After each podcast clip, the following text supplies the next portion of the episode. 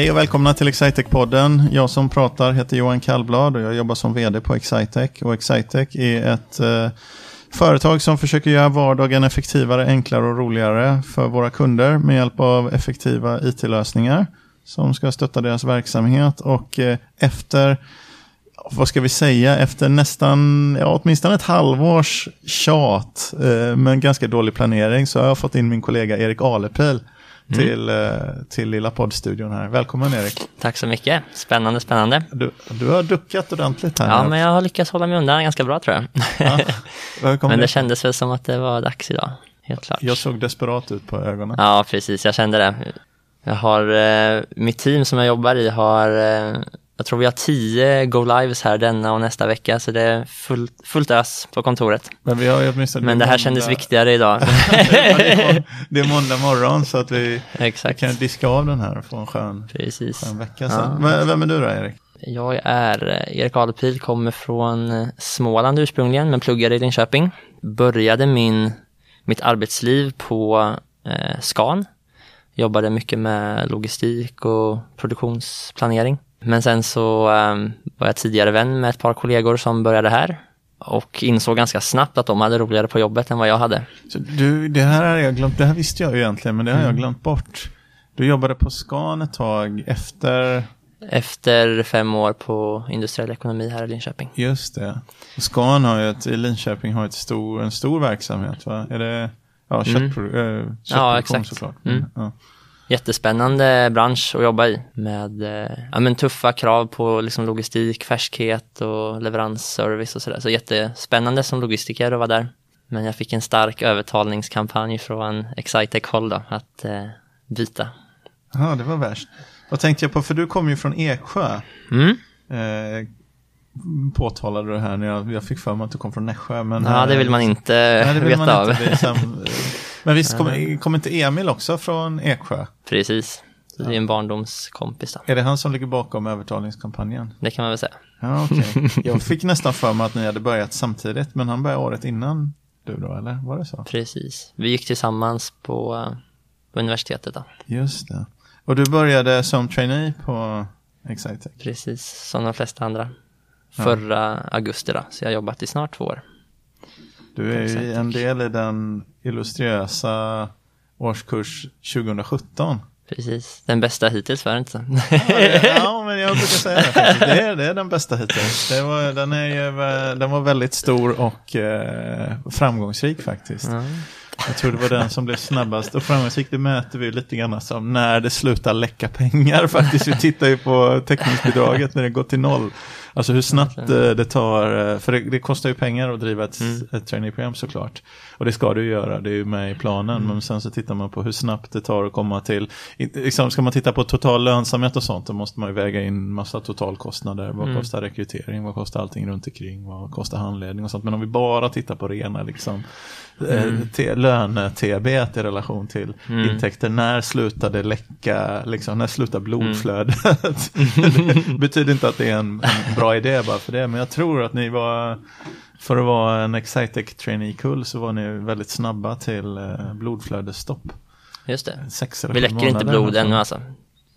Eh, nej, nej, nej. nej, nu, nej, eh, nej, verkligen inte. Nej, nej, det, det, det, var redan första, jag skulle tro det var sju månader eller någonting i den mm. ställen, är siffran som jag har i, bak, mm. i bakhuvudet. Och det var rätt så bra. Mm. Eh, det var, var kanske bäst till och med. Så det är en jättefin, eh, jättefin årskurs, eh, jättelyckat från ett företagsperspektiv. Då. Hur många var ni? Vi var väl, eh, vi, jag tror vi var 19 va? Ja, ni var Vi var nog 18 17. dag ett men så eh, kom det in en sista förstärkning ett par veckor senare eller någon vecka in. En fusknolla. Exakt, men lite så.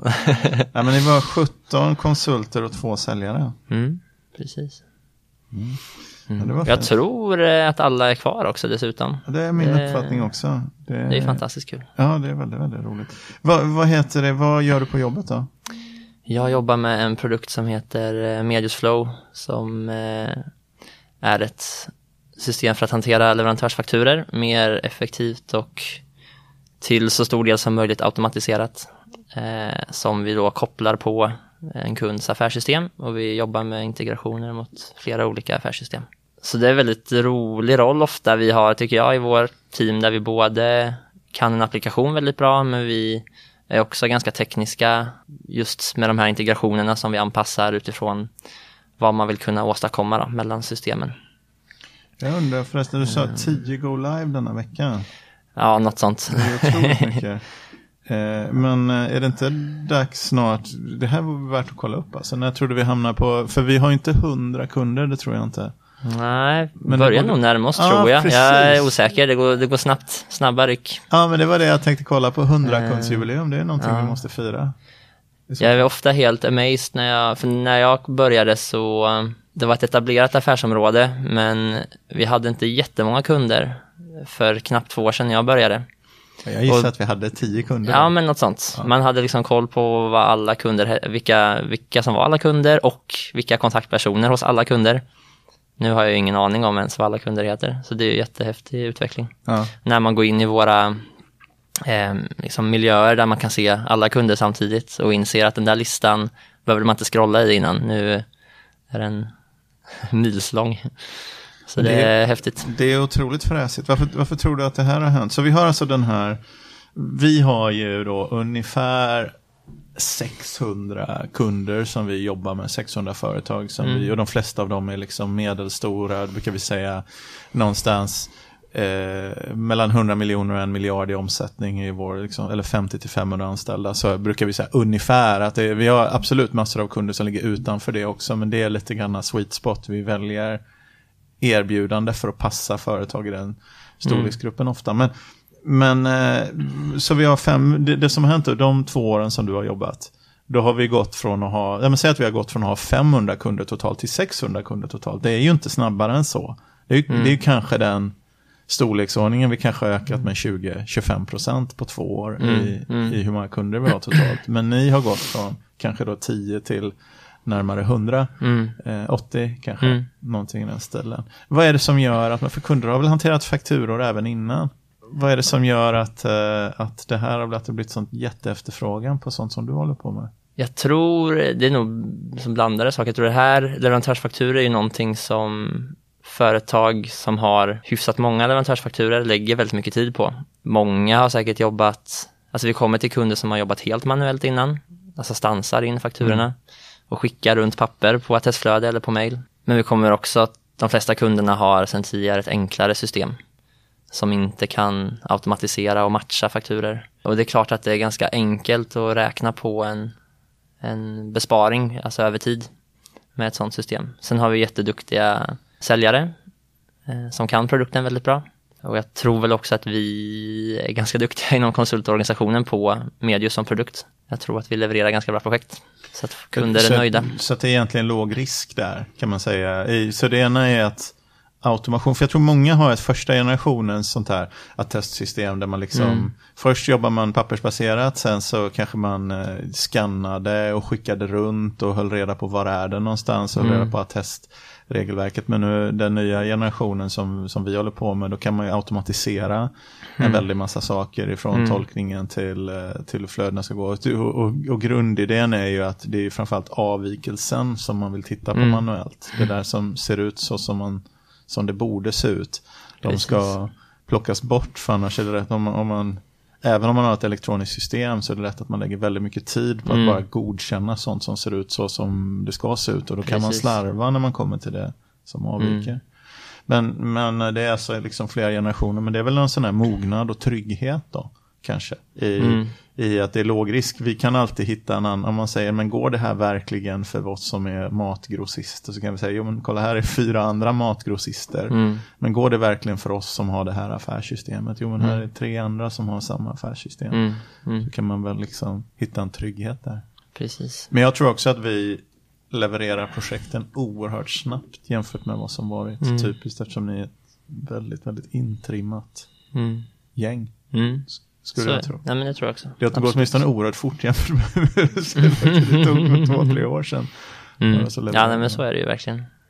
Och just att kunna erbjuda standardintegrationer där ja, men egentligen kunderna drar fram varandra kan man säga. Alltså man tar nytta av utveckling som man gör för en kund till en annan kund och vi Är kan leverera samma- väldigt... Är våra integrationer ungefär lika bra oavsett vilket affärssystem de går mot? Mm. Eller skiljer det mycket? Eh, det är klart att det är olika tufft att integrera mot olika system beroende på hur de är uppbyggda. Mm. Eh, så är det och man kan uppnå olika funktionalitet. Men jag skulle säga att vi har generellt väldigt välfungerande integrationer.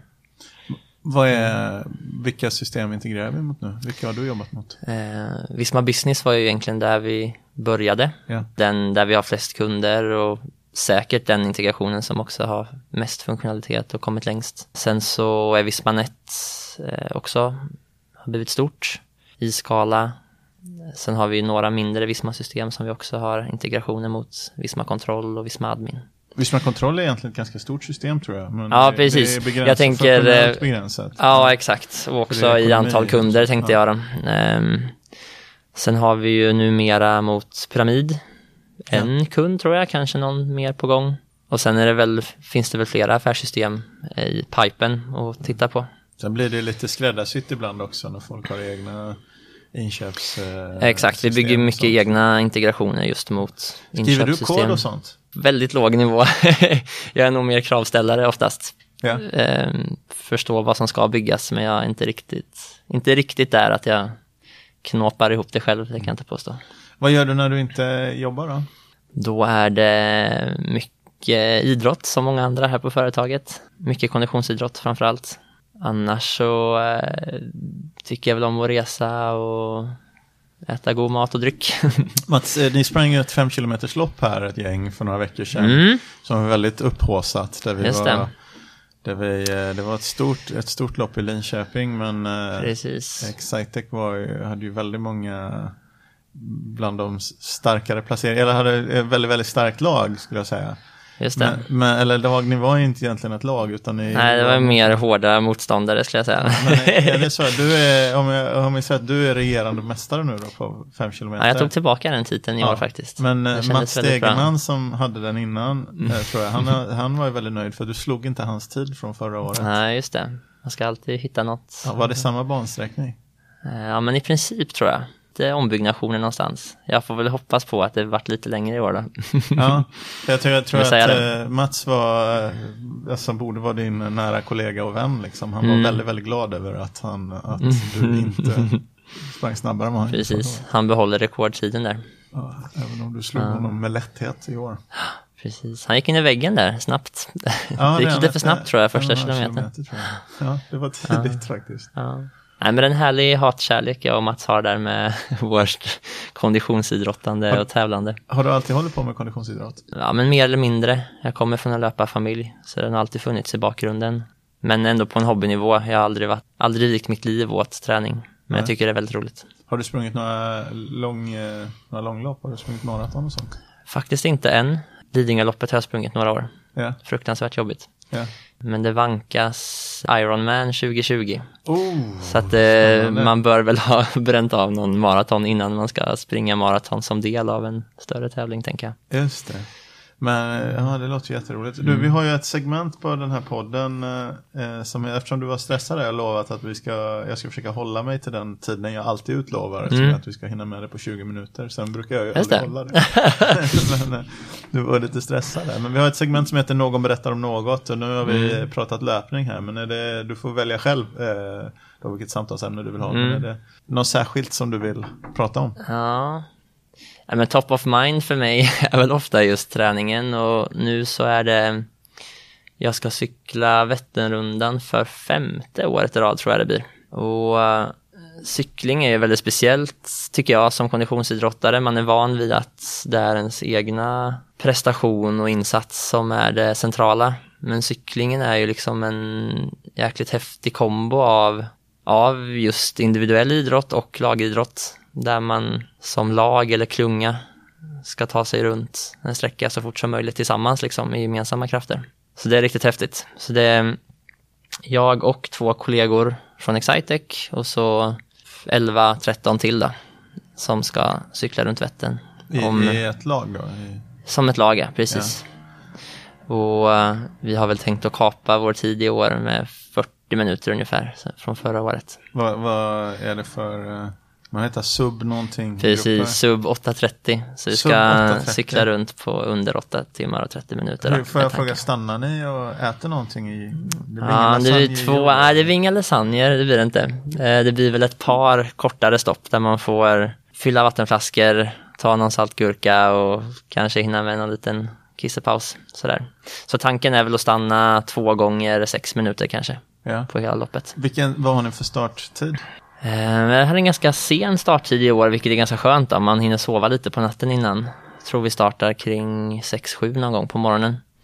Så det är ganska bekvämt. Eh, vi har startat kring 2-4 tidigare år. Ja. Men, men 8.30 då, hur snabbt, och det är ju 30 mil eh, och sen ska man ha några pauser också. Mm. Så hur snabbt är det, ja, hur snabbt jag, cyklar ni på? Jag tror väl att det är någonstans 35-36 i rullsnitt. Alltså när man rullar och så har man väl då kanske en kvarts paus totalt att disponera. Det, men hur mycket, om det, är, om det är platt då? För det är ju några backar, uppförsbackar som är lite jobbiga om man inte kan ligga i så högt tempo antar jag. Mm, ja, precis. Så hur långt, när man liksom ligger på vanlig rulle på, mm. på flackan, är det snarare 40 då? Som man ja, knappt 40 bör man nog ligga. Ja. När, hur snabbt, eh, eller en vanlig sak antar jag, men när börjar det bli otäckt i backarna? Hur, hur snabbt är det läskigt? Ja. Och... Ja, precis. Mycket beror ju på väder och förhållanden och hur fin asfalt man kör på såklart. Men just också hur stor grupp man ligger i egentligen. Ligger man själv kan man väl köra nästan hur fort som helst. Men eh, det är klart det börjar bli lite otäckt vid 50 km i timmen yeah. när man åker nerför. Det blir det. Ja. Och när är Vätternrundan? när ska vi hålla tummarna? Eh, det är nästa lördag, alltså om eh, 12 dagar va? Ja. Nu får vi se om, då kanske om den här podden är ute före eller, före eller efter. Mm, precis. Men så är det fem år, fem år i rad? Mm. Så, men det blir spännande. Men det känns som att eh, jag tror att vi har väldigt goda förutsättningar att klara vårt mål. Men det är också mycket externa faktorer som avgör. Får man punktering? Är det någon som eh, kör på ett sätt som man inte räknar med så att man Två år i rad nu har vi varit med i mindre olyckor kan man säga. Alltså där ja. folk kraschar helt enkelt. Det har gått väldigt bra som tur är. Men det tar väldigt mycket tid att samla ihop en grupp efter att folk har varit på marken och någon cykel kanske är sönder, någon får bryta. Ja. Hur, mycket som ska till. Och sånt, om det blåser hård motvind och sånt? Ja, då blir det tufft. Ja.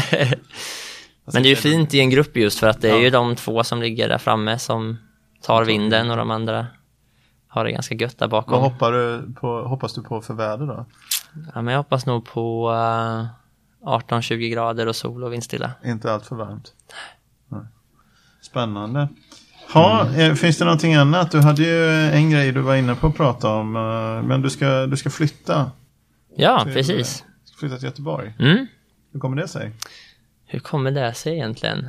Eh, jo, men min kollega Emil som vi pratade om tidigare fick väl egentligen först och främst erbjudandet om att flytta till Göteborg i höst. Göteborgskontoret, du har säkert bättre siffror än jag, men de är väl 12-14 pers där va?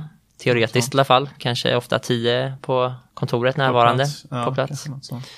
Eh, och där så kommer antalet öka drastiskt i höst. Vi tar in väldigt många traineer och nyanställda på samma gång. Så då fanns det väl egentligen ett behov av att ha fler jag gillar inte att kalla mig själv senior eller rutinerad men, ja, men, men, men folk som har varit med ett tag. Inom, inom det produktområdet som du arbetar mm. eh, ändå. Du Precis. måste ju jobbat på 20 30 projekt kanske. Mm. Någonting i den stilen, eller? Mm, ja, ja, något sånt. Så du är ju väldigt erfaren inom det. Du är inte Precis. senior i betydelsen mm. att du har jobbat länge med många saker, men mm. inom det inom det kompetensområdet som Precis. du jobbar har du Precis. gjort väldigt många projekt. Och just vårt område finns bara nu i Linköping och Stockholm. Och det finns garanterat en vinning. Vi har mycket Göteborgskunder och mm. Skånekunder. Och få det affärsområdet att etablera sig i Göteborg är värdefullt och att bara generellt ha fler personer som kan ta hand om de nya traineerna som mentor. Så det är väl liksom den professionella biten av varför jag hängde på där och flyttar också. Sen tycker jag väl bara själv att det är kul att testa något, något nytt i livet. Mm. Eh, det är en fantastisk chans att ha tryggheten med ett jobb där man känner kollegor och man vet vad man gör men man får chansen att testa en ny stad. Så det blir jättekul. Så jag och Emil ska väl enligt liksom uppdraget vara i Göteborg augusti till mars, åtta månader. Ja. Och sen får man väl se vad som händer efter det då, helt enkelt. Just det. Ja, men vad spännande. Men eh, du, mm. jag skulle vilja tacka dig för att du eh, ställde upp och var med här på mm. vår lilla Excitec-podd. Och så, som vanligt så vill jag också eh, påpeka för eventuella lyssnare att om de är intresserade av en karriär på Excitec så kan man alltid gå in på vår webbplats och vår karriärsida så hittar man, då lägger vi ut hela tiden saker som vi tycker känns relevanta Eh, för oss. Och eh, man kan även göra en spontan ansökan om man, om man tycker att man tillför någonting som det inte finns någon absolut eh, absolut eh, plats eller beskrivning för eh, ännu. Då. Så, så tack så mycket för att ni har lyssnat på Excitec-podden och eh, tack för att du ville vara med Erik. Mm, tack så mycket. Tack.